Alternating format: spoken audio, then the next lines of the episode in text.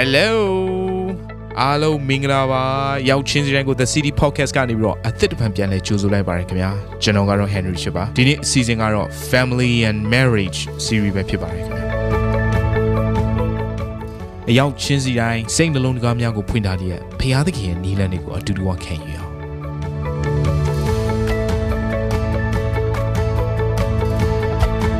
မင်္ဂလာပါဘုရားခင်ကျေးဇူးတော်ကိုချီးမွမ်းပါတယ်အားလုံးကိုလည်း ကျွန်တော်ဒီနေရာကနေပြီးတော့နှုတ်ဆက်ချင်ပါတယ်ကျွန်တော်တို့ဗုဒ္ဓဦးနေ့ညဘက်9နာရီတိုင်းမှာပြုလုပ်လို့ရှိတဲ့ဝါအစီအစဉ်ကနေပြီးတော့เนาะကျွန်တော်အားလုံးကိုကြိုးဆိုတယ်ဆိုတော့ဒါကတော့ talk show ဖြစ်တယ်သို့တော်လည်းပဲကျွန်တော်တို့အခုလိုမျိုးအာအိမ်မှာနေရတဲ့အချိန်ကာလလေးမှာပေါ့နော်ကျွန်တော်တို့ talk show ပုံစံအပြည့်သွားလို့မရပေမဲ့လည်းဒီအခွင့်အရေးကိုရယူပြီးတော့ကျွန်တော်တို့ Korean အိမ်တော်ဆိုတဲ့ခေါင်းစဉ်အဖြစ်အာမင်္ဂလာဆောင်ပွဲရပြင်ဆင်နေတော်သူတွေ နော်တမီစာဒါကိုပြင်ဆင်နေတဲ့လူငယ်တွေကအစအိမ်တောင်ကြပြီးတော့တော့ ဇနီးမောင်နှံများအတွက်ပါကျွန်တော်တို့ဒီနှုတ်ကပတ်တော်နဲ့ညီသောအိမ်တော်တစ်ခုကိုဘယ်လိုတည်ဆောက်မလဲဆိုတဲ့ຢာလေးကိုကျွန်တော်အပတ်စဉ်ပေါ့နော်တစ်ချိန်စီကျွန်တော်တို့နှုတ်ကပတ်တော်အဖြစ်ဝေမျှပေးနေတာဖြစ်ပါတယ်ဆိုတော့ဒီနေ့ကျွန်တော်တို့နှစ်ယောက်အတူအာသင်ကြားဝေမျှမဲ့ခေါင်းစဉ်လေးကတော့တလုံးတော့ရတယ်နော်တသားတကိုယ်တည်းကျန်းစာရပြောမယ်ဆိုတသားတကိုယ်တည်းပေါ့နော်ကျွန်တော်တို့ခေါင်းစဉ်တော့ဘယ်လိုတတ်ထားလဲဆိုတော့တသားတကိုယ်တလုံးတော့နော်ကျွန်တော်တို့အိမ်မှာနေနေဝလာတာကိုပြောတာမဟုတ်ဘူးနော်အတူသဘော ညင်ညွတ်သွားပြီးတော့စိတ်သဘောတင်းကြီးတင်းညွတ်တဲ့ဖြစ်သွားတဲ့အရာကိုကျွန်တော်တို့ပြောတာဖြစ်တယ်ဒါကြောင့်ဒီနေ့နဲ့ဆိုင်တဲ့ကျွန်တော်နှုတ်ကပတ်တော်လေးကိုအရင်ဆုံးဖတ်ချင်ပါတယ်ပြီးရင်ကျွန်တော်တို့နော်ဒီနှုတ်ကပတ်တော်ကိုအခြေပြုပြီးတော့ဘုရားခင်ကကျွန်တော်တို့ကိုဘယ်လိုပုံစံနဲ့ရွေးခေါ်ထားလဲအထူးသဖြင့်မိသားစုအိမ်တော်စနီးမောင်နဲ့နှစ်ယောက်ဘယ်လိုပုံစံနဲ့သွားရမလဲဆိုတဲ့ຢာလေးကိုကျွန်တော်လေ့လာသွားမှာဖြစ်တယ်ကပောက်ကျန်ခန်းကြီးနှစ်အငယ်21ကနေ25ကတော့ကျွန်တော်အဓိကဒီနေ့ပြောမယ့်အကြောင်းအရာရဲ့ foundation ဖြစ်ပါတယ် ထိုအခါထာဝရရှင်ဘုရားသခင်သည်လူကိုကြည်သောအိတ်ချင်းနှင့်အိတ်စေတော်မူ၍လူသည်အိတ်ပျော်စဉ်နံရိုးတစ်ချောင်းကိုဘုရားသခင်ထုတ်ပြီးလင်ထိုအယိုးအစာအသားကိုဆိတ်ဆက်စေတော်မူ၏ထာဝရရှင်ဘုရားသခင်သည်လူတွေကထုတ်သောနံရိုးဖြင့်လူမိန်းမကိုဖန်ဆင်း၍လူရှိရာသို့ဆောင်ခဲ့တော်မူ၏လူကလည်းယခုဤသူသည်ငါအယိုးတွေကအယိုးငါအသားတွေကအသားဖြစ်၏လူတွေကထုတ်သောကြောင့်သူ့ကိုလူမိန်းမဟုခေါ်အပ်သည်ဟုဆိုလေ၏ထိုအကြောင်းကြောင့် ယောက်ျားသည်ကိုမိဘကိုဆွံ့၍ကိုခင်ပေါ်၌မိဝဲသဖြင့်ထိုသူတို့သည်တသားတကူတည်းဖြစ်ရလိမ့်မည်ထိုလင်မယားနှစ်ဦးတို့သည်အဝတ်မဝတ်ဘဲနေ၍ရှက်ကြောက်ခြင်းနှင့်ကင်းလို့ကြ၏ဒီနှုတ်ကပတ်တော်လေးကတော့ကျွန်တော်တို့မင်္ဂလာဆောင်လေးမှာကြောက်ဘူးနေကြဖြစ်ပါလိမ့်မယ်ဆိုတော့ကျွန်တော်တို့အိမ်တော်တစ်ခုရဲ့အနှစ်သာရဘုရားသခင်ဘာအကြံစီရှိလဲဆိုတဲ့အရာကျွန်တော်ကောင်းကောင်းသဘောပေါက်ဖို့လိုတယ်ဒါဆိုရင်ကျွန်တော်တို့ဘယ်ကိုပြန်သွားဖို့လိုလဲဆိုရင်ဘယ်အချိန်က နော်ဇနီးမောင်နှံနှစ်ယောက်အတူပေါင်းဖက်ပြီးတော့ဘုရားသခင်အစပြုပေးခဲ့တာလဲဆိုတဲ့နေရာကိုပြန်သွားဖို့လိုပါတယ်ဆိုတော့ဒါကဘာဦးချမ်းခန်းကြီး1နှစ်3မှာကျွန်တော်ရှိတဲ့အာရနဲ့အေဝပထမဦးဆုံးသောဇနီးမောင်နှံနှစ်ယောက်ဖြစ်တယ်ပထမဦးဆုံးသောလူသားယောက်ျားနောက်လူမိန်းမဒီနှစ်ယောက်ဆိုတော့သူတို့နှစ်ယောက်ရဲ့ marriage သူတို့နှစ်ယောက်ရဲ့ဒီယဉ်ကျေးကြောင်းမှုဘုရားသခင်အကျမ်းစီကိုကျွန်တော်တို့လေ့လာလိုက်မယ်ဆိုရင်အခုကျွန်တော်တို့အခုအချိန်ကာလမှာရှိနေတဲ့ဇနီးမောင်နှံနှစ်ယောက်က တသားတကူတစ်လုံးတော့ရတယ်ဘယ်လိုပုံစံနဲ့နေ့စဉ်ခီးဆက်လို့ရမယ်ဆိုတဲ့အရာလေးကိုရှင်းရှင်းလင်းလင်းနားလည်လာမှာဖြစ်ပါတယ်ဟုတ်ပါတယ်ခရစ်ယာန်အိမ်တောင်မှာတသားတကူတည်းဖြစ်ခြင်းဆိုတဲ့အကြောင်းအရာကိုနားလည်နိုင်ဖို့ရန်အတွက်ကပ္ပဦးကျန်ခန်းကြီး1နဲ့ကပ္ပဦးကျန်ခန်းကြီး2ကိုကျွန်တော်တို့လေ့လာလို့ရှိရင် one flash လို့ခေါ်တဲ့တသားတကူတည်းဖြစ်ခြင်းဆိုတဲ့အကြောင်းအရာကိုနားလည်နိုင်ကြအကြောင်းရှိပါတယ် အဲ့တော့နှုတ်ကပတ်တော်ထဲမှာပြန်ပြီးတော့ကြည့်လိုက်မယ်ဆိုရင်ကပ္ပဦးကျန်ခန်းကြီး1အခန်းငယ်29ထဲမှာဗာပြောထားလဲဆိုရင်ဖျားသခင်ဟာလူကိုမိမိရဲ့ပုံသဏ္ဍာန်တော်နဲ့အညီဖန်ဆင်းတယ်အဲ့တော့ဖျားသခင်စတင်ပြီးတော့ဖန်ဆင်းတုန်းကအာဒံပဲရှိခဲ့တာဖြစ်တယ်အဲ့တော့အာရန်ကိုဖန်ဆင်းတဲ့အခါမှာသူကအာယောက်ျားမိန်းမဆိုပြီးတော့အဲ့လိုတီးတန့်ခွဲပြီးတော့သူကမဖန်ဆင်းထားဘူးအာရန်ရဲ့အထဲထဲမှာယောက်ျားဖြစ်ခြင်းမိန်းမဖြစ်ခြင်းနဲ့ဆိုင်တဲ့ပြည့်စုံတဲ့အရာမှန်သမျှအာရန်ရဲ့အထဲထဲမှာရှိနေတယ် ဒါကြောင့်မလို့အာရန်ရဲ့အထဲထဲမှာဘုရားရှင်ဖန်ဆင်းထားတဲ့အရာကိုပြန်ပြီးတော့ကြည့်လိုက်မယ်ဆိုရင်အာရန်တယောက်အားဖြင့်လုံလောက်တယ်လို့မြင်ကြအကြောင်းရှိတယ်သို့တော့ဘာဖြစ်လို့ဘုရားခင်ကအာရန်ရဲ့အထဲကနေပြီးတော့နံရိုးကိုထုတ်ပြီးတော့အေဝါကိုဖန်ဆင်းခဲ့တယ်လေဆိုတဲ့အကြောင်းအရာကတကယ်ကိုစိတ်ဝင်စားစရာအကြောင်းအရာဖြစ်တယ်ဘာဖြစ်လို့ကျွန်မလို့ပြောတယ်ဆိုလို့ရှိရင်ဘုရားသခင်ရဲ့နာမည်ကိုကချစ်ချင်းမေတ္တာအရှင်ဖြစ်တယ်ဆိုတော့ချစ်ချင်းမေတ္တာဆိုတာကတစ်ဖက်ကပဲ သူကအဲပြလို့တစ်ဖက်တစ်ယောက်တည်းနဲ့သူကပြလို့မရအောင်နှစ်ဦးနှစ်ဖက်ရှိမှပဲပြသလို့ရတဲ့အရာတစ်ခုဖြစ်တယ်ဒါကြောင့်မလို့ဘုရားခင်ကသူ့ရဲ့ချစ်ချင်းမေတ္တာတော်ကိုဖော်ပြဖို့ရန်အတွက်အာရန်ကိုဖန်ဆင်းခဲ့တယ်ဒါတွေမကသေးပဲနဲ့ဘုရားခင်ကအာရန်ကိုလည်းသူ့ရဲ့ချစ်ချင်းမေတ္တာကိုပြန်လေပြီးတော့မျှဝေနိုင်ဖို့ရန်အတွက်အေဝါကိုဖန်ဆင်းခဲ့ခြင်းဖြစ်တယ်အဲ့တော့အေဝါကိုဖန်ဆင်းတဲ့အခါမှာ အာရန်ရဲ့နံရိုးကနေပြီးတော့ထုတ်ပြီးတော့ဖန်ဆင်းတယ်လို့နှုတ်ကပတ်တော်ကဖော်ပြတဲ့အခါမှာပြန်ပြီးတော့ကျမ်းစာထဲမှာကြည့်လိုက်မယ်ဆိုလို့ရှိရင်အဲ့ဒီအာရန်ရဲ့အာနံရိုးကိုသူကဘလို့ပြောပြထားလဲဆိုလို့ရှိရင်ဒီဟေဘရဲကျမ်းစာထဲမှာ chamber a rib ဆိုတဲ့စကားလုံးကို chamber လို့သုံးထားတယ် chamber ရဲ့အဓိပ္ပာယ်ကသူကအခန်းလွတ်တစ်ခုပေါ့တနည်းအားဖြင့်အာသူကနောက်ထပ်သူ့ရဲ့စကားလုံးကိုရည်ညွှန်းတဲ့အရာတစ်ခုကဘာလဲဆိုလို့ရှိရင် အာ capacity တနည်းအားဖြင့်လှုပ်ဆောင်နိုင်စွမ်းဖြစ်တဲ့အရာတစ်ခုကြီးကိုအာရန်ရဲ့အထက်ကနေဆွဲထုတ်လိုက်တယ်လို့ဟေဘရဲကျမ်းစာထဲမှာသူကအဓိပ္ပာယ်တက်ရောက်တယ်အာရန်ရဲ့အထက်ကနေပြီးတော့အေဝါကိုထုတ်လိုက်တဲ့အခါမှာနားလေစေခြင်းတဲ့အရာအရာတစ်ခုကဘာလဲဆိုလို့ရှိရင်ဖျားသခင်ရဲ့မေတ္တာတော်ကိုလူလူချင်းပြန်လဲပြီးတော့ထုတ်ဖော်ပြသနိုင်ဖို့အတွက်ဘုရားခင်ကဒီကိစ္စရပ်ကိုလှုပ်ဆောင်ခဲ့ခြင်းလည်းဖြစ်တယ်။ အကယ်၍အာရန်တယောက်ထဲကသာဆိုလို့ရှိရင်ဘုရားသခင်ရဲ့ချစ်ချင်းမေတ္တာကိုသူကဘုရားသခင်နဲ့ပဲအပြန်လှန်ရှိနေပေမဲ့ဖះနဲ့လူကြားမှာရှိတဲ့ချစ်ချင်းမြတ်တာကိုပြသနိုင်ပေမဲ့လူလူချင်းကြားထဲမှာရှိတဲ့ချစ်ချင်းမြတ်တာကိုမပြသနိုင်ဘူးဖြစ်တယ်။ဒါကြောင့်မလို့ဘုရားခင်ကအာရန်နဲ့အေဝါကိုသူကတီးသက်ဖန်ဆင်းလိုက်ပြီးတော့မှအာအာရန်ကိုယောက်ျားလူယောက်ျားအေဝါကိုလူမိန်းမအနေနဲ့ဖန်ဆင်းတယ်။အဲ့တော့ နားလေစေခြင်းနဲ့ကဘာဦးအစမှာလူယောက်ျားလူမိန်းမကိုဖန်ဆင်းပြီးမှဘုရားကဗာပြောလေဆိုတော့အချင်းတို့များပြားစွာမွေးဖွားကြလော့မြေကြီးကိုပြည့်စည်၍နိုင်ကြလော့စသဖြင့်သူကအာကောင်းကြီးမင်္ဂလာတွေကိုဘုရားရှင်ပေးတယ်အာရန်တယောက်ထုံးကဘုရားခင်ဖန်ဆင်းတဲ့အခါတုန်းကကျမ်းစာထဲမှာဘယ်လိုရေးထားလဲဆိုရင်အေဒင်ဥယျာဉ်ကိုစောင့်ရှောက်ခြင်းအလိုငှာဆိုတဲ့စကားလုံးလေးကိုတွေ့ရတယ်ဆိုတော့အာရန်တယောက်တည်းရှိစဉ်အချိန်မှာဘုရားခင်က အာအာရန်ကိုပေးတဲ့အခွင့်အရေးကအေဒင်ဥယျာဉ်ကိုစောင့်ရှောက်ဖို့အခွင့်အရေးပဲပေးတယ်။သို့တော့အေဝါနဲ့အာရန်နဲ့ပေါင်းစည်းပြီးတော့မှအဲတလုံးတွရတဲ့ဖြစ်ချင်းတွေကနေပြီးတော့ဘုရားသခင်ဘာကိုထပ်ပြီးတော့ကောင်းကြီးပေးလိုက်လဲဆိုတော့မြေကြီးကိုပြည့်စုံပြီးနိုင်ရတဲ့ authority and power ကိုဘုရားကပေးလိုက်တယ်။ဒါကြောင့်မလို့တယောက်တည်းရှိတဲ့အချိန်နဲ့နှစ်ယောက်ရှိတဲ့အချိန်ကမတူဘူး။ပို့ပြီးတော့ powerful ဖြစ်တဲ့အဲ အစွမ်းတတိပေါ့နော်အစွမ်းတတိတကိုးအခွင့်အာဏာကိုရရှိလာခြင်းဖြစ်တယ်။ဒါကြောင့်မလို့တိတ်ရေးကြီးပါတယ်ခရိယန်အိမ်တော်မိသားစုမှာအတူတကွပေါင်းစည်းခြင်းဆိုတဲ့အရာကနော်ကျမတို့အာဒီဒီကိလေသာစိတ်တစ်ခုတည်းကြောင့်ပေါင်းစည်းတာမျိုးမဟုတ်ဘူး။နော်ကျမတို့အဥ္စာတစ်ခုခုကိုရယူလို့တဲ့စန္ဒနဲ့ပေါင်းစည်းတာမျိုးမဟုတ်ရအောင်။ဒါကြောင့်မလို့တကယ့်ကိုဒီမင်္ဂလာဆောင်ရင်းထဲကနေပြီးတော့ထူးဆန်းတဲ့ဘုရားသခင် လှုပ်ဆောင်မဲ့အမှုရာကြီးကိုပြန်လဲစဉ်းစားလိုက်တဲ့အခါမှာတကယ့်ကိုအဲကျမအနေနဲ့အံ့ဩမိတယ်နောက်တစ်ခုကဘာလဲဆိုလို့ရှိရင်ဘုရားခင်ကပြောတယ်အေဝါကိုဖန်ဆင်းရခြင်းအကြောင်းအရာကကပောက်ကျန်းခန်းကြီးနှစ်အခန်းငယ်၁၈ထဲမှာအာဘာကိုဆက်တွေ့ရလဲဆိုရင်အေဝါကိုဖန်ဆင်းတဲ့အကြောင်းအရာကတဲ့အာရန်အတွက်တော်လျော်သောအထောက်အမလို့အာမြန်မာကျမ်းစာထဲမှာရေးထားတယ် suitable ပေါ့နော်တော်လျော်သောအထောက်အမဖြစ်ဖို့ရန်အတွက်အေဝါကိုဖန်ဆင်းတယ်လို့လည်းတွေ့ရပြန်တယ် အဲ့တော့တော်လျော်သောအထောက်အမလို့ပြောတဲ့အခါမှာသူက King uh, King James version ထဲမှာဗာပြောထားဆို helper လို့ပြောထားတယ်တနည်းအားဖြင့်ကူညီမဆဖို့ရန်အတွက်ဆိုလိုတဲ့သဘောကအာရန်အတွက်လိုအပ်တဲ့အရာကိုအေဝါကူညီဖို့ရန်အတွက်ဘာဖြစ်လို့လဲအာရန်ရဲ့အထဲထဲမှာရှိတဲ့တက်ဆွမ်းနိုင်ခြင်းကိုထုတ်ပြီးတော့အေဝါကိုဖန်ဆင်းခဲ့တယ်ဆိုတဲ့သဘောကအာရန်ကြီးမှာအထောက်အမလိုသွားပြီဆိုတဲ့သဘောကိုပြောနေခြင်းဖြစ်တယ်ဆိုတော့ဆက်ပြီးတော့ကြည့်လိုက်တဲ့အခါမှာအဲ့ဒီအဲ helper ဆိုတဲ့စကားလုံးကိုပဲထပ်ပြီးတော့ သူကသူ့ရဲ့ root word ပေါ့နော် Hebrew ကျမ်းစာကနေတဆင့်ကြည့်မယ်ဆိုရင်သူ့ရဲ့အဓိပ္ပာယ်က surround ဆိုတဲ့အဓိပ္ပာယ်ကိုလည်းတက်ရောက်စေတယ်။တနည်းအားဖြင့်ဝန်းရံပေးတယ်ဆိုတဲ့အဓိပ္ပာယ်။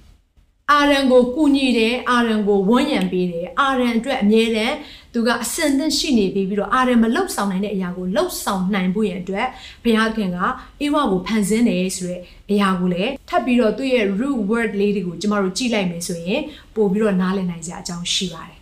ဒီနေ့ခေါင်းစဉ်ဖြစ်တဲ့နော်တလုံးတော့ရတဲ့တသားတကူတဲ့ပေါ့နော် one flash ဆိုတဲ့ဒီအရာလေးကိုအာတကယ်သေချာသဘောပေါက်ချင်တယ်ဆိုရင်ဒီဘုရားသခင်စဖန်ဆင်းကြတဲ့ကအာဒန်ရဲ့အထဲမှာအေးဝါပါနော်ပါလာတယ်ဆိုတဲ့အရာကိုကျွန်တော်သဘောပေါက်မှပဲဒါကနော်ဘုရားရှင်ပြောခြင်းတဲ့ one flash ဆိုတာကိုပို့ပြီးတော့သဘောပေါက်မှဖြစ်တယ်ဆိုတော့ဒါကျမ်းစာထဲမှာဆိုရင် နော်နောက်ဆုံးမှာသူကနာမည်ပေးတဲ့အရာမှာပို့ပြီးတော့ထင်ရှားလာတယ်ဆိုတော့ပထမဘုရားသခင်ကအလူယောက်ျားကိုသူကဖန်ဆင်းတာဖြစ်တယ်ဆိုတော့လူယောက်ျားထဲမှာစောစောနော်ဆရာမဆူဇန်ပြောသလိုပဲသူကအကုန်လုံးဘုရားသခင်စဖန်ဆင်းကြတဲ့ကသူကလိုတယ်ဆိုတာမရှိဘူးနော် complete and whole တကယ်ကိုပြီးပြည့်စုံတာသူကဖန်ဆင်းထားပြီးသားဖြစ်တယ်သို့တော်လည်းပဲဒီကျမ်းစာလေးတစ်ချက်ကဒါဘုရားသခင်ကအာဒံကိုကြည့်တဲ့အခါမှာနော်ယောက်ျားဟာတဲ့တယောက်တည်းနော်မနေကောင်းနော်ကျွန်တော်တို့ကနောက်နောက်ပြီးပြောကြတာပေါ့နော်တယောက်တည်းနေမကောင်းဆိုတော့အဲ့တော့ အာအာရန်ကြီးကတိတ်နေကောင်းပုံမရဘူးပေါ့အဲ့ဒါနဲ့ဘုရားသခင်ကဒါတော်လျော်သောအထောက်အမောင်ငါဖန်ဆင်းမယ်ဆိုတဲ့အခါမှာဘုရားကနော်တီးကြနော်သူကနောက်ထပ်တစ်ယောက်ကိုဖန်ဆင်းတာမျိုးမလုပ်ဖဲနဲ့အာရန်ကိုပဲပြန်ပြီးတော့သူကကြီးစွာသောအိတ်ချင်းနဲ့အိတ်စေပြီးတော့မှသူစီကနန်ရုပ်ချောင်းကိုယူလိုက်တယ်ဆိုတော့အေးဝဘယ်ကထွက်လာတယ်ဆိုတော့အာရန်တဲကပဲထွက်လာတယ်အာရန်ဒီအေးဝမပါဘဲနဲ့ဘုရားခင်မူလကလေးဖန်ဆင်းထားတဲ့ complete and whole ဆိုတဲ့ ပြည့်ပြည့်စုံခြင်းဆိုတဲ့အရာကိုရှိလာမှာမဟုတ်ဘူးဒါကြောင့်မလို့ဇနီးမောင်နဲ့နှစ်ယောက်ကအတူသူက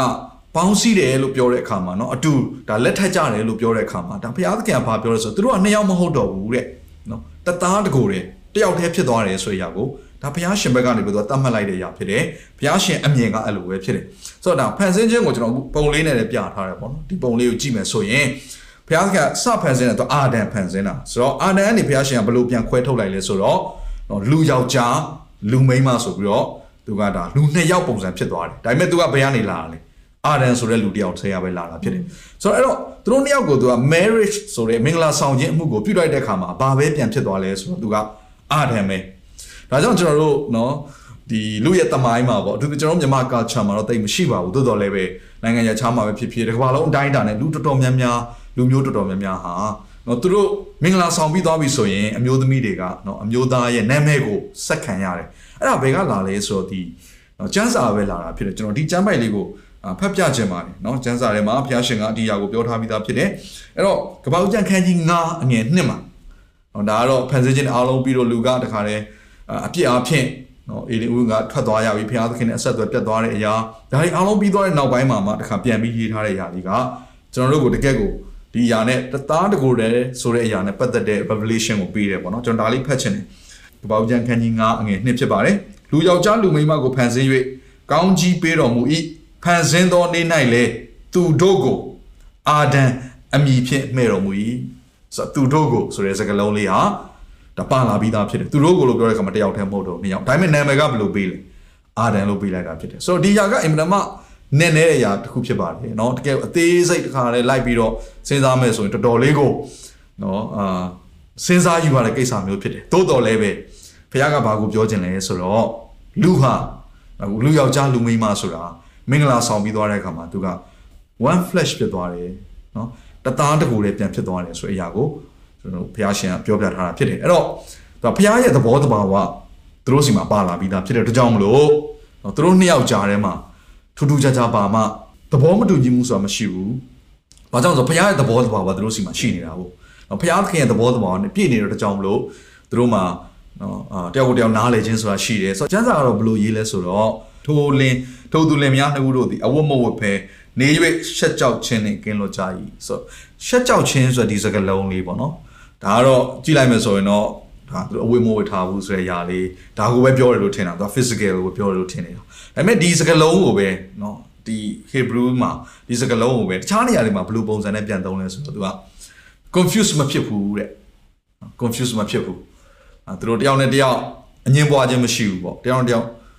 နားမလည်နိုင်ဘူးဆိုတာမရှိဘူးပေါ့နော်ပြောအောင်ဆိုကျမ်းစာကတော့အဝတ်မဟုတ်ဖန်နေရရှက်ကြောက်ခြင်းနဲ့ကင်းလွတ်ကြ၏ဆိုဒီရှက်ကြောက်ခြင်းနဲ့ကင်းလွတ်တယ်ဆိုတဲ့အရာလေးဟာတကယ်တော့သူတို့နှစ်ယောက် တသားတကူလည်းဖြစ်ခြင်းကိုလည်းဖော်ပြနေတယ်။သူတို့ဂျားထဲမှာဘာမှအစီတာမရှိတော့ဘူးဆိုတာလည်းဖော်ပြနေတယ်။ transparency ဆိုတဲ့တယောက်ကိုတယောက်ရှင်းရှင်းလင်းလင်းနားလဲခြင်းဆိုတာလည်းဖော်ပြနေတယ်။ဆိုတော့သူကစမှာကလေးက one flesh ဆိုတဲ့အရာဒီ body เนาะကျွန်တော်တို့ဒီ physical ဘိုင်းဆိုင်ရာအရာပေါင်းသင်းတာတစ်ခုတည်းမဟုတ်တော့ဘဲနဲ့သူတို့ရဲ့စိတ်နော်သူတို့ရဲ့ခံစားချက်သူတို့ရဲ့ဝိညာဉ်စိတ်ဝိညာဉ်ကအစဘာမှတယောက်နဲ့တယောက် confuse မဖြစ်တော့နားမလည်နိုင်မှုဆိုတာမရှိတော့ဘူးသူတို့ဟာ ညဉ့်ညွတ်ချင်းရှိတယ်သဘောတူညီနိုင်မှုရှိတယ်ဘာကြောင့်လဲဆိုတော့ဖခင်ရဲ့သဘောသဘာဝအပြည့်ရှိနေလို့ဖြစ်တယ်ဒါကြောင့်ဘုရားရှင်ကကျွန်တော်တို့ဒီဇနီးမောင်နဲ့နှစ်ယောက်ကိုနော်ဖြစ်စေခြင်းတဲ့အရာကဒါမူလအကြံစီဖြစ်တဲ့ကပ္ပဦးကျမ်းမှာဖော်ပြထားတဲ့ one flesh one flesh ဆိုတဲ့တသားတကူတဲ့ဖြစ်ခြင်းကိုပဲဘုရားရှင်ကခေါ်သွားတာဖြစ်တယ်ဆိုတော့အာဒန်နဲ့အေဝါရဲ့အစကိုပြန်ကြည့်လိုက်မယ်ဆိုလို့ရှိရင် သူတို့အပြစ်သေးကိုမကြခင်အချိန်ကာလတုန်းကသူတို့ရဲ့ခန္ဓာစိတ်ဝိညာဉ်သုံးပါးစလုံးကတလုံးတဝရဖြစ်နေတယ်။နှစ်ယောက်ပွဲနေပေမဲ့သူတို့ရဲ့ခန္ဓာကိုယ်ကတလုံးတဝရဖြစ်တယ်ဆိုတဲ့အကြောင်းအရာကိုကပောက်ကျန်အခန်းကြီး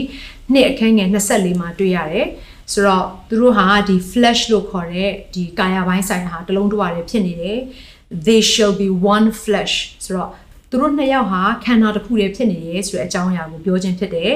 အဲနောက်တစ်ခုကကြတော့ဗာလဲဆိုလို့ရှိရင်အာဒီစိတ်ပိုင်းဆိုင်ရာကိုအာကျွန်မရည်ညွှန်းခြင်းနဲ့အခုနဆရာစောလေးနည်းနည်းပါရှင်းပြခဲ့ပြီးဖြစ်တယ်အာသူတို့တလုံးတဝါတည်းဖြစ်နေရဲဆိုတဲ့အကြောင်းအရာကိုပြန်ပြီးတော့လေ့လာလိုက်မယ်ဆိုရင်ထိုသူနှစ်ယောက်ဟာတူးနဲ့တူးပေါ့နော်ရှက်ကြောက်ခြင်းမရှိဘူးဆိုတဲ့စကားလုံးကိုတွေ့ရတယ်ဒီအရာကခန္ဓာပိုင်းဆိုင်ရာကိုပဲပြောနေတာမဟုတ်ဘူးအတွင်းထဲမှာရှိတဲ့တိသောစိတ်ကလည်းတယောက်ပေါ်မှာတယောက်ရှင်းလင်းနေတယ်ဆိုတဲ့အကြောင်းအရာကိုပြောခြင်းဖြစ်တယ်ရှုပ်ထွေးမနေဘူး တစ်ဖက်မှာရှိနေတဲ့သူ့ရဲ့စိတ်ခံစားချက်သူ့ရဲ့အတွေးခေါ်သူ့ရဲ့ဆန္ဒကိုဒီတစ်ဖက်လူကရှင်းရှင်းလင်းလင်းသိနေနေဆိုတဲ့သဘောကိုပြောနေတာအခုကျမတို့တွေအာတယောက်နဲ့တယောက်တစ်ဖက်လူကိုသိနိုင်မှုဆိုတာသိခက်ခဲတယ်အဲဒီလင်မယားနှစ်ယောက်မှာတော့မှအဲသူဘာစဉ်းစားနေလဲသူစိတ်ထဲမှာဘာရှိလဲသူဘာတွေးနေလဲဆိုတဲ့အရာကိုသိနိုင်ဖို့အတွက်အရန်ခက်ခဲတယ်ဒါအခုခေတ်ကာလမှာပြောတာသို့တော့အဲ့ဒီလူမကြဆင်းခင်အချိန်တုန်းကဆိုလို့ရှိရင် အာရန်ထဲထဲမှာရှိနေတဲ့အရာတွေမှန်သမျှကိုစိတ်ပိုင်းဆိုင်ရာမှန်သမျှကိုအေးဝကသိတယ်လို့အေးဝကလည်းအာရန်ရဲ့အကြောင်းအရာကိစ္စမှန်သမျှကိုတကယ်ကိုပွင့်လင်းမြင်သာမှုရှိတဲ့အာအိမ်ထောင်ရေးကြီးလို့ပြောရမှာပေါ့ကဲနောက်ထပ်တစ်ဆင့်သူတို့ပွင့်လင်းမြင်သာမှုရှိတဲ့အရာကဘာလဲဆိုလို့ရှိရင်အာပေါင်းစည်းခြင်းရှိတဲ့အရာကဘာလဲဆိုလို့ရှိရင်ဝိညာဉ်ဖြစ်တယ်ဝိညာဉ်ပိုင်းဆိုင်မှာလည်းသူတို့နှစ်ယောက်ဟာတသားတကူတည်းရှိနေတယ်လို့ကျမ်းစာကနော်ရည်ညွှန်းထားတယ်ဘေးရာအပြင်သိနိုင်လဲဆိုတော့ဖယားသခင်ရဲ့ ပုံသဏ္ဍာန်အပြင်ဖန်ဆင်းထားတယ်ဆိုရက်အဲစကလုံးအပြင်သိနိုင်တယ်ဆိုတော့ဖယားသခင်ရဲ့အထည်ထဲမှာကကွဲပြားခြင်းမှမရှိတာဆိုတော့လူနှစ်ယောက်ဟာလည်းဒီအာရနဲ့အေဝါဟာလည်းဘုရားသခင်ပုံသဏ္ဍာန်တော်အတိုင်းဒီပုံသဏ္ဍာန်ကြီးပေါ့နော်အပြစ်အပြစ်မပြက်စီးခင်အချိန်ဖြစ်တဲ့အတွက်ကြောင့်မလို့သူတို့နှစ်ယောက်စလုံးဟာတလုံးတဝါလည်းရှိနေဆိုတဲ့အကြောင်းအရာကိုလည်းနှုတ်ကပတ်တော်ကသက်သေထူထားတယ် အဲ့တော့လင်မယားနှစ်ယောက်ပေါင်းစည်းပြီးသွားပြီဆိုရင်ခရစ်ယာန်အိမ်တော်မှာတယောက်နဲ့တယောက်ကပွဲကွာလို့မရဘူးဆိုတဲ့အကြောင်းအရာကိုလည်းပြီးခဲ့တဲ့တစ်ခေါက်တုန်းကကျွန်တော်တို့ပြောပြခဲ့ပြီးဖြစ်တယ်။ဘာဖြစ်လို့လဲဆိုရင်မာလခိခန်းကြီး2အခန်းငယ်15မှာလူနှစ်ယောက်ဟာမင်္ဂလာဆောင်လိုက်ပြီဆိုရင်ခရစ်ယာန်အိမ်တော်မှာပေါ့နော်။ယေရှုခရစ်တော်ကိုမိမိရဲ့ကယ်တင်ပိုင်ရှင်နဲ့အရှင်သခင်အဖြစ်ယုံကြည်လက်ခံထားတဲ့ခရစ်ယာန်အိမ်တော်မှာမင်္ဂလာဆောင်ပြီဆိုရင်တက်တေကဘာသူဖြစ်တယ်လဲဆိုတော့ဘုရားသခင်ကိုယ်တိုင်ဖြစ်တယ်။ ဒါကြောင့်မလို့ဒီနေ့ခရစ်ယာန်အိမ်တော်မှာလူနှစ်ယောက်ဟာမင်္ဂလာဆောင်ပြီးသွားပြီဆိုရင်အဲဝိညာဉ်ပိုင်းဆိုင်ရာဟာတလုံးတစ်ဝါတည်းရှိနေတယ်။ဘာဖြစ်လို့လဲဆိုတော့အပြစ်ကနေပြီးတော့ပြန်လဲပြီးတော့ရွေးနှုတ်ခြင်းခံခဲ့ရပြီဖြစ်တဲ့အတွက်ကြောင့်မလို့ယေရှုခရစ်တော်အားဖြင့်အပြစ်ကနေရွေးနှုတ်ခြင်းခံရပြီးရဲ့နောက်ပိုင်းမှာဒီဝိညာဉ်ဟာတလုံးတစ်ဝါတည်းဖြစ်နေတယ်။ဒါကြောင့်မလို့နားလည်စေခြင်းတဲ့အရာက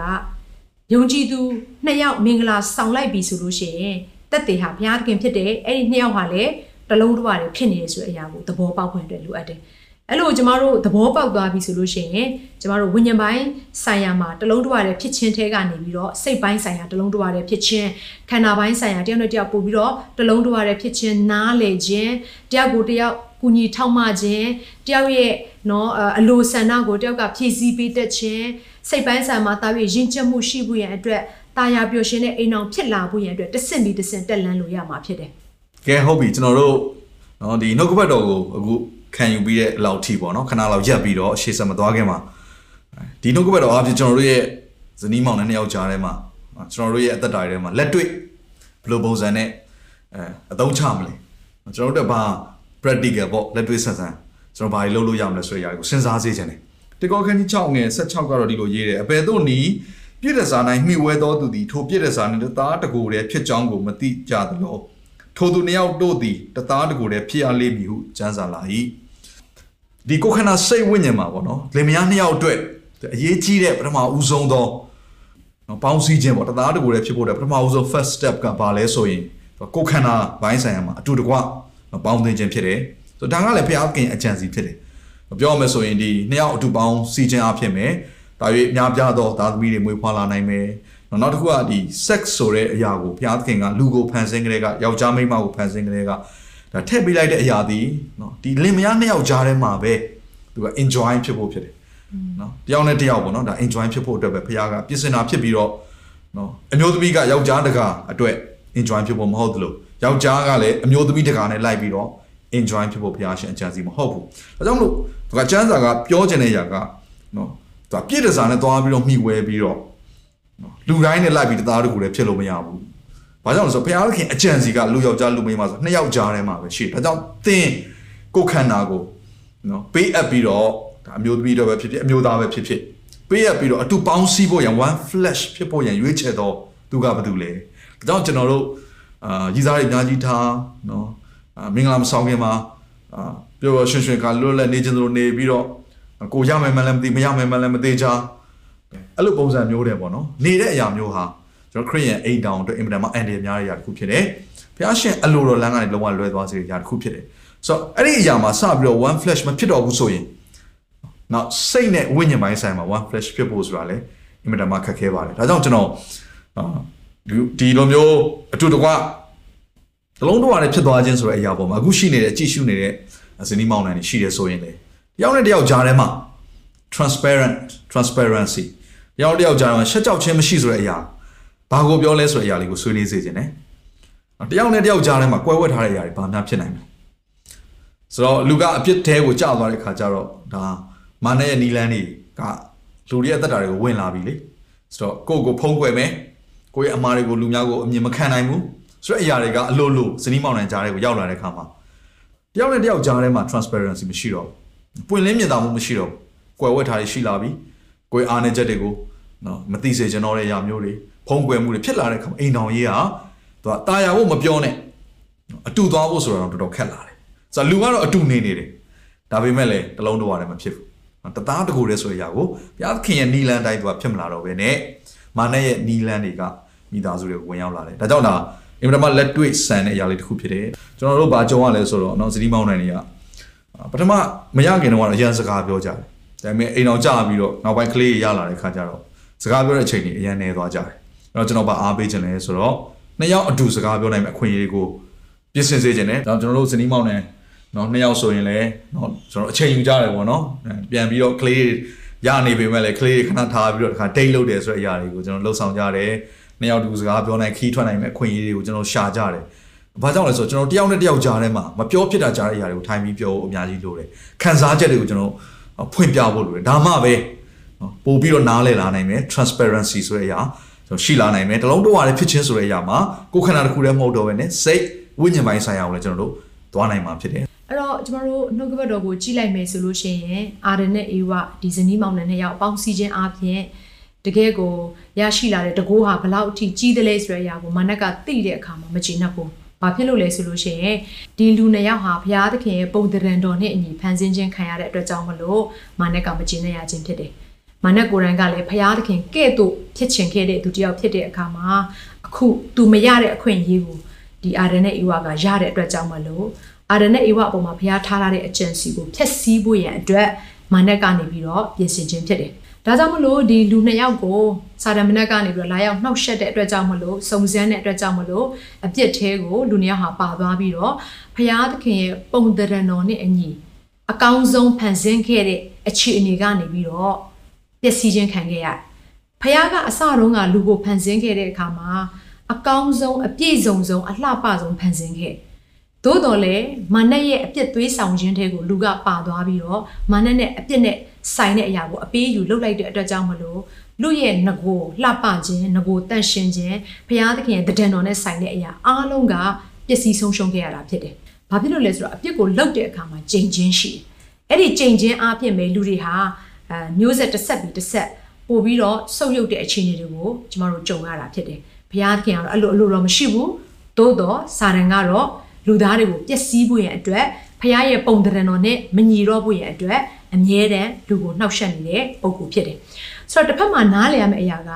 ဖခင်ကသူဖန်ဆင်းထားတဲ့လူသားကိုသူကချစ်ဖို့ရန်အတွက်ဖန်ဆင်းထားတာ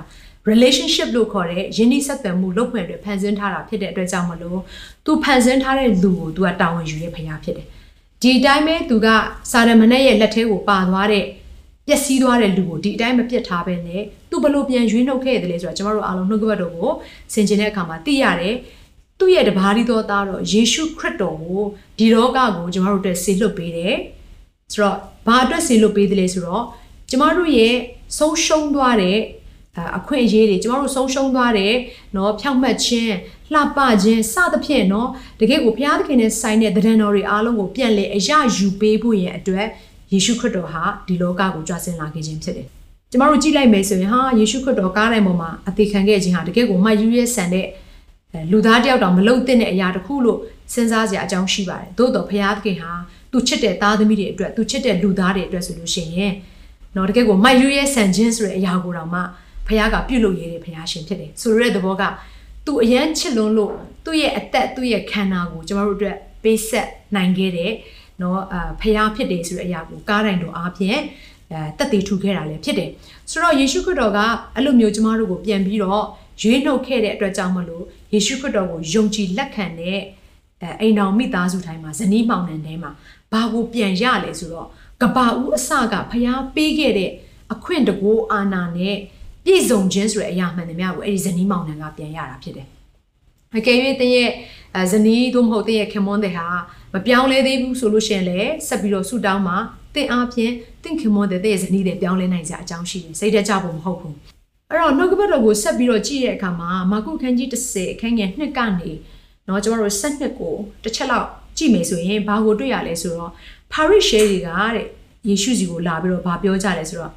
လူဟာတဲ့မိမိမယားနဲ့ကွာလို့ရသလားတဲ့ဘာဖြစ်လို့လဲဆိုတော့မောရှေရဲ့ပြည့်ညတ်တော်ထဲမှာမောရှေကဘာပြောခဲ့တယ်ဆိုလို့ရှိရင်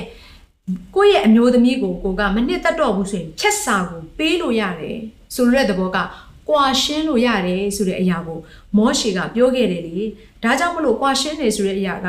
ဒါမောရှေပြောခဲ့ပြီးသားဖြစ်တဲ့အတွက်ကြောင့်မလို့ဒါဘုရားသခင်အလိုတော်လားဆိုပြီးတော့ယေရှုခရစ်တော်ကိုမေးကြတယ်။ ဒါနဲ့ယေရှုခရစ်တော်ကဘာပြောလဲဆိုရင်ဘုရားသခင်ဖန်ဆင်းတဲ့အခါတုန်းကလူယောက်ျားလူမိန်းမကိုစုံဖက်စေပြီးတော့မှဖန်ဆင်းခဲ့တာဖြစ်တယ်။ကွဲကွာစီဖို့အတွက်ဖန်ဆင်းခဲ့တာမဟုတ်ဘူးဆိုတော့ယေရှုခရစ်တော်ကစပြောတယ်။ဒါကြောင့်မလို့လူနှစ်ယောက်ဟာနော်တသားတကိုယ်တည်းဖြစ်ပြီးသွားပြီဆိုလို့ရှိရင်ကွဲကွာလို့မရဘူး။ဘုရားသခင်တဘိုးတင်ထားတဲ့လူနှစ်ယောက်ကိုဘသူကမှခွဲခွာခွင့်မရှိဘူးဆိုပြီးတော့ကျမ်းစာက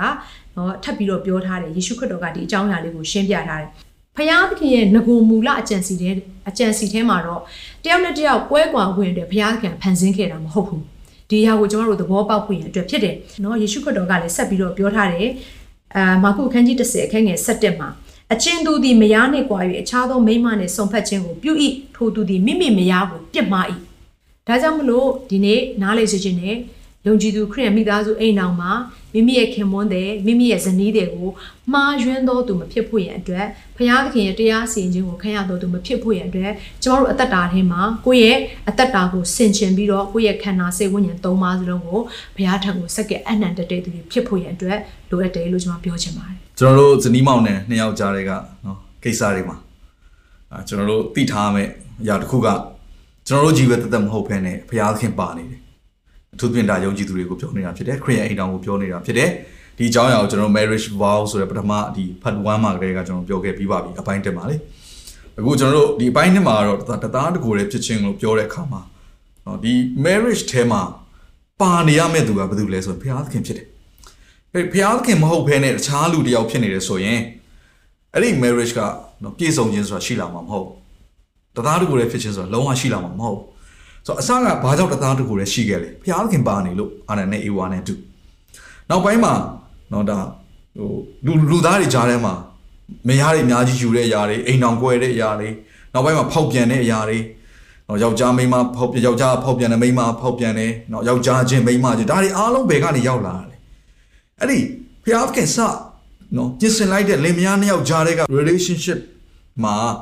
ဖျားခင်မဟုတ်တော့ဘဲနဲ့မာနဲ့ဖြစ်သွားလို့ နော်အပြစ်နဲ့ဆိုင်တဲ့အရာအပေးယူနဲ့ဆိုင်တဲ့အရာတွေဟာလင်မယားနှစ်ယောက်ကြားတဲ့ကိုရောက်လာတဲ့အခါမှာနော်ဖျားသခင်အလိုလိုနဲ့ညီတဲ့မိသားစုအိမ်တော်ကိုလူတွေကမတီးဆောင်နိုင်တော့တမန်နဲ့ကလည်းရန်ပါနဲ့တယ်စပြီးတော့သူကလူသားတွေကိုစသွေးဆောင်ကြတဲ့ကနော်အရန် powerful ဖြစ်တယ်အရန်တကိုးပြေဝတဲ့ဘုရားသခင်ရဲ့ဖန်ဆင်းခြင်းဖြစ်တယ်ဆိုတော့ तू အမြင်တာနဲ့ဒီအရာကိုမရရအောင်ပြုတ်ဖြစ်တာပဲဒါအခုချိန်ထိမှန်နေတော့မယ်ဒီနေ့ဆာလမန်ရဲ့အဓိက target ကဘာမှလဲလင်မယားတွေကြားထဲမှာဖြစ်တယ်မိသားစုတွေပြိုကွဲဖို့ဖြစ်တယ် မိသားစုပြိုကွဲသွားပြီဆိုရင်ဇနီးမောင်နှံတစ်ယောက်ကကွဲကွာသွားပြီဆိုရင်ပျော်ရွှင်မှုမရှိတော့တဲ့အိမ်တောင်ဖြစ်လာပြီဆိုရင်အဲ့ကနေပေါက်ဖွားလာတဲ့ပေါ်ထွက်လာတဲ့သားသမီးတွေကနော်ဒါစစ်တမ်းတွေအရာဆိုရင်သူရဲ့ research လုပ်ထားတဲ့အရာတွေအရာဆိုရင် broken family ကနေမွေးဖွားလာတဲ့ကလေးတွေဟာရဲ့80%လောက်ဟာနော်သူကလူဆိုးတွေဖြစ်သွားကြတယ်ဆိုတော့ပြောမှဆိုလူဆိုးလို့ပြောတဲ့အခါမှာဒါပတ်ဝန်းကျင်ကိုအကျိုးမပြုတော့လူတွေဖြစ်လာကြတယ်လို့ဒီလိုပဲပြောကြတယ်အဲ့တော့ဒါကျွန်တော်တို့ညင်းလို့မရတဲ့အချက်ဖြစ်တယ်ဆိုတော့မန်နက်ကလည်းအရန် ဒါပါနဲ့တယ်အသိအများကြီးသူနော်လှုပ်ဆရာမလို့ဇနီးမောင်နှံနှစ်ယောက်ကြားထဲမှာနော်တလုံးတော့လည်းမဖြစ်အောင်လှုပ်လိုက်ရုံနဲ့ကွဲပြားမှုတွေကလို့လို့ပေါ်ပေါက်လာမှာဖြစ်တယ်ဒါကြောင့်သင်တို့နှစ်ယောက်ကြားထဲက relationship ပေါ့နော်ဒီကြားထဲမှာပါဝင်နေတော့သူကဘာတူလဲအပေးယူပြုတ်နေတဲ့အရာတွေလားဒါမှမဟုတ်အပြစ်လားဖုံးကွယ်မှုတွေလားဟန်ဆောင်မှုတွေလားတယောက်တယောက်အပြစ်တင်မှုတွေလားနော်ဒီຢာတွေကဘယ်ကလာလဲဘုရားစီကမလာတော့သေကြတယ်ဘုရားစီကလာတဲ့ຢာကတယောက်တယောက်နားလဲခြင်းနော်တယောက်ကိုတယောက်ပေးဆက်ခြင်းအနှံ့ခြင်းကုညီခြင်းထောက်မခြင်း အတူတကွပူးပေါင်းလှုပ်ဆောင်ခြင်းတယောက်ရဲ့လိုအပ်ချက်ကိုတယောက်ဖြည့်ပေးခြင်းဘာကြောင့်လဲဆိုတော့တယောက်မပါဘဲနဲ့နောက်တယောက်ကမပြေဆုံးနိုင်ဘူးဆိုတော့နှစ်ယောက်ကိုသူတို့ကလူနှစ်ဦးမဟုတ်တော့ဘူးတဲ့နော်တူဦးတည်းဖြစ်တယ်အဲ့တော့ဖာရီရှဲတွေကလည်းတစ်ခါလဲစုံစမ်းကျင်တဲ့ခါမှာယေရှုစီသွားတော့ယေရှုကလည်းဘယ်ဝဲပြန်ပြီးတော့ညွှန်လဲမူလဘုရားသခင်ပါခဲ့တဲ့ relationship ကိုပဲပြန်ပြီးတော့ပြောတယ်နှစ်ဦးမဟုတ်ဘူးတဲ့တူဦးတည်းပဲတဲ့ဘုရားသခင်ပါဝင်တဲ့နော်မိသားစုအိမ်တော်ဆိုတာကသူကမင်္ဂလာနဲ့ပြည့်ဝတယ် နော်ဆိုတော့မင်္ဂလာဆိုတဲ့အရာတွေအကုန်လုံးရှိတယ်ဆိုတော့တရားဟောကြံခန်းကြီး28မှာနော်ဒါကျွန်တော်အငယ်30ကနေ30နဲ့33တော့သင်ဖတ်ကြည့်လိုက်ပါမိသားစုနဲ့ဆိုင်တဲ့အရာဇနီးမောင်နှံနဲ့ဆိုင်တဲ့သားသမီးနဲ့ဆိုင်အမင်္ဂလာတွေတွေ့ရလိမ့်မယ်ဆိုတော့ဒါဘုရားသခင်လမ်းတွေကထွက်သွားရင်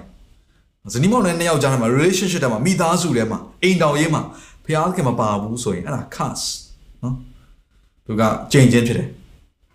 အဲ့တော့ တည့်ရမိသားစုကိုကြိမ်ချင်းနဲ့သွားခြင်းသလားတောင်းမဟုတ်ရင်မင်္ဂလာနဲ့သွားခြင်းသလားမင်္ဂလာနဲ့သွားခြင်းနဲ့ဆိုရင်တော့မိသားစုတွေကိုဇနီးမောင်နှံနှစ်ယောက်ကြားတဲ့ကိုဘုရားသခင်ဖိတ်ခေါ်ဖို့ရန်ကြီးကြည့်တယ်ဒါဆိုရင်ဘုရားသခင်ကိုဘယ်လိုပုံစံနဲ့ဖိတ်ခေါ်နိုင်လဲအဲ့တော့ကျွန်တော်တို့အပြစ်ထဲကိုကြာဆင်းခြင်းကမာနကြောင့်ဖြစ်ပေမဲ့လေဘုရားသခင်စီကိုပြန်ရောက်တဲ့ຢာကတော့ခရစ်တော်ကြောင့်ဖြစ်တယ်။ကြောင့်ခရစ်တော်ဟာကျွန်တော်တို့ဇနီးမောင်နှံနှစ်ယောက်ကြားတွေက relationship ကိုတည်ဆောက်တဲ့သက်သေမိသားစုအိမ်တော်ရဲ့ foundation အုံမြင့်ဖြစ်လာပြီဆိုရင်တော့ဒါဟာမင်္ဂလာနဲ့ပြည့်ဝသောတလုံးတော်ရတဲ့တသားတကူတွေဖြစ်တဲ့မိသားစုအိမ်တော်ကိုတွားနိုင်မှာဖြစ်ပါတယ်ကျမတို့ရဲ့ခရစ်ယာန်အိမ်တော်မှာ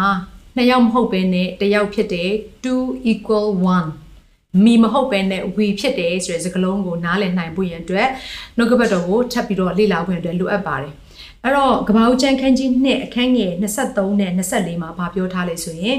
လူကလည်းယခုဤသူသည်ငါအယိုးတဲကအယိုးငါအသားတဲကအသားဖြစ်၏လူတဲကထုတ်သောကြောင့်သူ့ကိုလူမိန်းမဟုခေါ်ဝေါ်အပ်သည်ဟုဆိုလေ၏ထိုအကြောင်းကြောင့်ယောက်ျားသည်ကိုမိဘကိုစွန့်၍ကိုခင်ပေါ်၌မိဝဲသဖြင့်ထိုသူတို့သည်တသားတကိုယ်တည်းဖြစ်ရလိမ့်မည်ဒီလူနှစ်ယောက်တသားတကိုယ်တည်းဖြစ်ဖို့ရန်အတွက်နောက်ထပ်လူတစ်ယောက်ကထပ်ပြီးတော့ဝင်လာလို့မရအောင်ဖះပဲ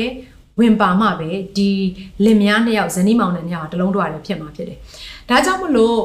ဖះကဘလောက်တောင်ရှင်းရှင်းလင်းလင်းပြောထားလေဆိုရင်ဇနီးမောင်နှံနှစ်ယောက်တလုံးတွရတယ်ဖြစ်ဖို့ရန်အတွက်တဲ့ယောက်ျားဟာတဲ့ခင်မောဟာတဲ့ကိုမိဘကိုစွန့်ပြီးတော့ကိုခင်မောနိုင်မိဝဲရမယ်တဲ့ဆိုတဲ့သဘောကကိုယ့်ရဲ့မိဘတွေကိုတောင်မှဒီဇနီးမောင်နှံနဲ့ပတ်သက်တဲ့ relationship တိုင်းမှာအမြဲတမ်းပါဝင်နေခိုင်းဖို့ရန်အတွက်မဟုတ်ဘူးဆိုတဲ့အရာကိုလည်းရည်ညွှန်းနေခြင်းဖြစ်တယ်ဒီ subject လေးကနည်းနည်းလေးတော့ အာ sensitive ဖြစ်တယ်အထိမခံတဲ့အရာလေးပေါ့တချို့တွေကဒါကမိဘကိုမယုံမသိပြုခြင်းတက်ရောက်နေမလားလို့ပြောကြအကြောင်းရှိပါတယ်မဟုတ်ပါဘူးမိဘကိုယိုသေးလို့ရတဲ့နီလန်းတွေရှိပါတယ်เนาะကျွေးမွေးပြုစုခြင်းရှိမယ်သူတို့ကိုတိုင်ပင်ဆွေးနွေးပြောဆိုခြင်းရှိမယ်သို့တော့ဇနီးမောင်နှံနဲ့ ပတ်သက်တဲ့အရာအတိုင်းကိုကိုယ့်ရဲ့မိဘကိုသွားတိုင်ကိုယ့်ရဲ့မိဘကိုကိုယ့်ရဲ့အဲဇနီးတဲ့ခင်မွန်းတဲ့မကောင်းချောင်းကိုသွားပြောလိုက်ခြင်းအပြင်ဘာဖြစ်နိုင်လဲဆိုတော့အဲ့မိဘတွေအားဖြင့်ပဲဒီဇနီးမောင်နှံညဟာပြန်လဲကွဲကွဲပြားသွားနိုင်တဲ့အကြောင်းအရာကိုလည်းတွေ့ရတယ်။ဘာဖြစ်လို့လဲဆိုတော့မိဘတိုင်းဟာကိုယ့်ရဲ့သားသမီးအဲတခုခုတစ်ဖက်လူကပြန်လာပြီးတော့ပြောဆိုတယ်เนาะပြုတ်မှုတွေဆိုရင်ဘေမိဘကမှမကြိုက်ဒါကြောင့်မလို့တစ်ဖက်လူကနေပြီးတော့အဲဒီဇနီးမောင်နှံကိုလာရောက်ပြီးတော့ဝင်ရောက်ဆွတ်ဖက်ဖို့အာ မပြုတ်နိုင်ဖို့ရအတွက်လုပ်ရမယ့်အရာကဒီဇနီးမောင်နှံနှစ်ယောက်စလုံးဟာကိုယ်အထဲထဲမှာရှိနေတဲ့နားမလည်နိုင်တဲ့အရာတွေအဲစီလုံးငြင်းချင်းမရှိနိုင်တဲ့အရာတွေအားလုံးကိုကိုကိုယ်တိုင်ကပဲအချင်းချင်းနှစ်ယောက်ကဖြေရှင်းရမှာဖြစ်တယ်အာကိုယ့်ရဲ့ဇနီးတွေကိုယ့်ရဲ့ခင်မွန်းတွေမကောင်းကြအောင်ကိုမိဘတွေကိုယ့်ဆွေမျိုးတွေလိုက်ပြီးတော့ပြောခြင်းအပြင်ဒီလင်မယားနှစ်ယောက်ကြားထဲမှာရှုပ်ထွေးမှုဖြစ်ဖွယ်ရတဲ့တခြားသူတွေကိုဖိတ်ခေါ်လိုက်တာနဲ့တူတယ်ဆိုတော့ဒီနှစ်ယောက်ကအရင်ဦးဆုံးတလုံးတော့ရတယ်ဖြစ်နိုင်ဖို့ရအတွက်နားလည်ရမယ့်အရာတစ်ခုကအာ ကိုယ့်ရဲ့မိဘကဲ့သို့ဖြစ်နေတဲ့သူတွေကိုတောင်မှကိုယ့်ရဲ့ဇနီးမောင်ရဲ့ကိစ္စကိုအမြဲတမ်းသွားပြီးတော့ပြောပြပြီးတော့သူတို့ကိုပဲအမြဲတမ်းအားကိုးနေဖို့မဟုတ်ကိုကိုတိုင်ဒီပြဿနာတွေကိုဖြေရှင်းနေဖို့အတွက်ဖြစ်တယ်လို့လည်းဒါရည်ညွှန်းနေခြင်းဖြစ်တယ်နောက်တစ်ခုကကြတော့တသားတကူတည်းဖြစ်တဲ့အာအိမ်အောင်ဖြစ်ဖို့ရန်အတွက်နားလည်ရမယ့်အရာတစ်ခုကဇနီးတဲ့နဲ့ခင်မွန်းတဲ့ဟာ equal ဖြစ်တယ်ဆိုတဲ့အရာကိုနားလည်ဖို့လိုအပ်တယ် ခင်မွန်းတဲ့ကပို့ပြီးတော့တဆင့်မြင့်သွားတာမဟုတ်ဘူးလို့ဇနီးတွေကတဆင့်နှိမ့်နေတာမဟုတ်အဲ့ဒါကိုနားမလဲတပြီးဒီဇနီးမောင်နှံဟာတယောက်နဲ့တယောက်လေးစားခြင်းမရှိဘူးတယောက်ကိုတယောက်အနိုင်ထက်ပြုခြင်းဆိုတာအမြဲတမ်းရှိနေမှာဖြစ်တယ်ဒါကြောင့်မလို့ဂလာတိအခန်းကြီး3အခန်းငယ်28ထဲမှာဗာပြောထားတယ်ဆိုတော့ယေရှုခရစ်တော်၌ယူဒလူမရှိဘူးဟေလသလူမရှိဘူးယောက်ျားမရှိဘူးမိန်းမမရှိဘူးကြုံမရှိဘူးလွတ်လွတ်မရှိဘူးခရစ်တော်၌တလုံးတဝရတယ်ဖြစ်တယ်လို့ပြောပြထားတယ်ဆိုတဲ့အရာကယေရှုခရစ်တော် ရဲ့ကဲတင်ခြင်းကိုသင်ခံထားရပြီးပြီဆိုလို့ရှိရင်ဇနီးခင်မွန်းတဲ့နှစ်ယောက်စလုံးဟာတသားတကူတွေဖြစ်တယ်တစ်လုံးတစ်ဝါတွေဖြစ်တယ်တယောက်ကမှတယောက်ထက်ပိုပြီးတော့မြင့်တက်နေတာမရှိဘူးဆိုတဲ့အရာကိုနားလည်ရမှာဖြစ်တယ်။ဒါကြောင့်မလို့ APEC အခန်းကြီး9အခန်းငယ်21မှာဗာပြောထားလေဆိုလို့ရှိရင်ဒီဇနီးမောင်နှံနေနဲ့ပတ်သက်တဲ့เนาะယောက်ျားကမိန်းမကိုချစ်ရမယ်မိန်းမကကိုယ့်ရဲ့ခမွန်းတဲ့ကိုเนาะလေးစားရမယ်ဆိုတဲ့အရာတွေကိုမပြောခင် အဖက်ခန်းကြီး9အငယ်21မှာဗာပြောထားလေဆိုလို့ရှိရင်အချင်းချင်းတယောက်အောက်တယောက်ကိုကိုနှိမ့်ချလျက်နေရမယ်ဆိုရဲတကယ်ကိုအရေးကြီးတဲ့စကားလုံးတစ်လုံးကိုပြောထားတယ်အဲ့တော့အချင်းချင်းတယောက်နဲ့တယောက်ကိုကိုနှိတ်ချတက်လာပြီဆိုလို့ရှိရင်ယောက်ျားကလည်းမိန်းမအောက်ကိုနှိတ်ချမယ်မိန်းမကလည်းကိုယ့်ရဲ့ခင်မွန်းတဲ့အောက်ကိုနှိတ်ချတက်လာမယ်ဆိုရင်ခင်မွန်းတွေကလည်းဇနီးတွေကိုချစ်လာမယ်ဇနီးတွေကလည်းခင်မွန်းတွေကိုယိုသေးလေးစားတက်လာမှာဖြစ်တယ်အဲ့ဒီအချိန်ကြားမှာ equal ဆိုတဲ့စကားလုံးက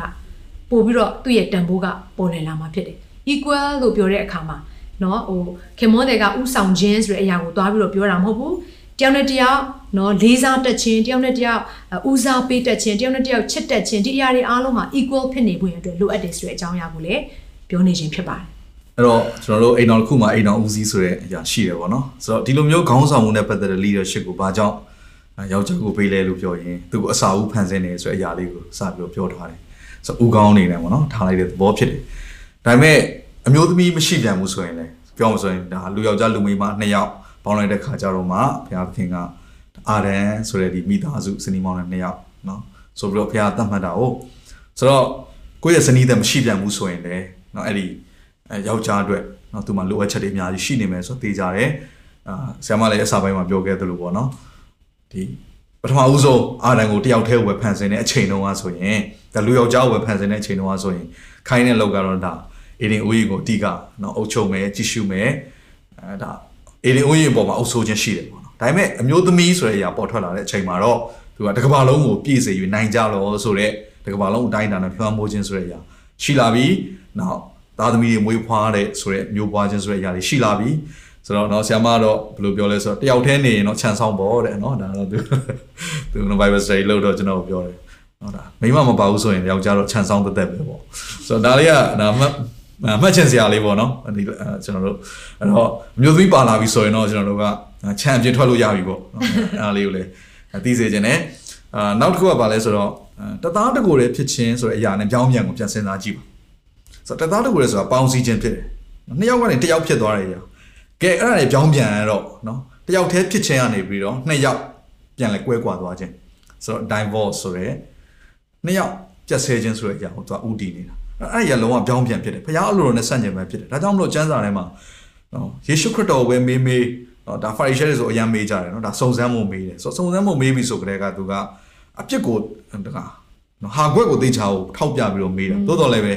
ယေရှုကဘာပဲပြန်ပြောလဲကဘာဦးဟာပဲပြန်ပြောတယ်နော်အဲ့တော့သူကတခါတည်းလဲပြက်ပြက်သားသားတခြားကဘာဦးကျမ်းထဲမှာမပါတဲ့အရာလို့လည်းပြောတယ်အဲ့ဒါကတော့နော်သူက ဒီလင်ယောက်ျားပဲဖြစ်ဖြစ်ဇနီးတယ်ပဲဖြစ်ဖြစ်အသက်ရှင်နေရှိနေတဲ့အချိန်မှာကွဲကွာတယ်ဆိုရင်တဲ့အဲ့တစုံတယောက်တော့သူကအခြားတစ်ယောက်နဲ့ပေါင်းဖော်ရင်အဲ့ဒါ adultery ဆိုတဲ့သူများသားများကိုပြစ်မှားခြင်းဆိုတဲ့ဒီအပြစ်ကိုရောက်တယ်လို့ဘုရားကပြောတယ်။ကဲဒါပေမဲ့သင်ကငါအခုလက်ရှိအိမ်တော်ကြီးလည်းအဆင်မပြေဘူး။ဘာဖြစ်ဖြစ်ငါငါတော့ဘုရားကိုယုံတယ်အဲ့တော့ငါနောက်ထပ်ခရိယန်တယောက်နဲ့ပဲငါမင်္ဂလာဆောင်မှာဖြစ်တယ်အဲ့တော့ပြဿနာမရှိဘူးဆိုပြီးတော့သင်ကမင်္ဂလာဆောင်တယ်ဆိုရင်ကျွန်တော်ပြောပြမယ်။သင်ရဲ့ဒီ marriage ကို အသစ်ပြန်ပြီးတော့တိဆောက်တဲ့ marriage ကိုသင်ကဘယ်ပေါ်မှာသူကဟိုတိဆောက်လိုက်တာလဲဆိုတော့သင်ရဲ့ foundation ဘာဖြစ်သွားလဲဆိုတော့ခရစ်တော်မဟုတ်တော့ဘဲနဲ့သူကအပြစ်ဖြစ်သွားတယ်။ဘာကြောင့်ဆိုဘုရားကအပြစ်လို့သတ်မှတ်ထားလိုက်တာဟုတ်။နော်အပြစ်လို့သတ်မှတ်ထားတဲ့ຢာတစ်ခုပေါ်မှာသင်ကနာနှလုံးသားမာတာပဲဖြစ်ခေါင်းမာတာပဲဖြစ်ဖြစ်အကြောင်းမျိုးမျိုးကြောင့်ပဲဖြစ်ဖြစ်နော်သင်မှာတော့အများကြီးပဲအကြောင်းပြချက်တွေရှိမှာပါ။သင်တိဆောက်လိုက်တယ်ဆိုရင်အဲ့အိမ်တော်ရေးရဲ့ foundation ကသူကအပြစ်ပေါ်မှာတိဆောက်တာဖြစ်သွားတဲ့အတွက်ကြောင့်မလို့အဲ့ဒီအိမ်တော်ရေးတွေကို ဘုရားသခင်ဝင်လာလို့မရတော့သိကြတယ်။ဘာကြောင့်လဲဘုရားသခင်အပြစ်နဲ့အပေးယူလုံးဝမလုပ်။အပြစ်ရှိတဲ့နယ်ပယ်တွေကိုဘုရားသခင်ဘယ်တော့မှဝင်ရောက်အောင်ဆုံးမှာမဟုတ်။ဒါပေမဲ့သင်ကဘုရားသခင်ကိုတကယ်လိုအပ်တယ်ဆိုရင်တော့ဘုရားသခင်နီလန်းကိုပဲလိုက်ရမှာဖြစ်တယ်။ဒါကြောင့်အကောင်းဆုံးကခရိယအိမ်တော်တွေအတွက်အကောင်းဆုံးကပါလဲဆိုရင်နော်ငါတို့ပြတ်ဆဲမယ်ဆိုတဲ့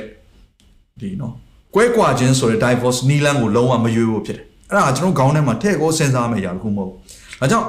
အိမ်တော်မပြုတ်သေးတဲ့ဒါလူပြိုလူလွတ်တွေ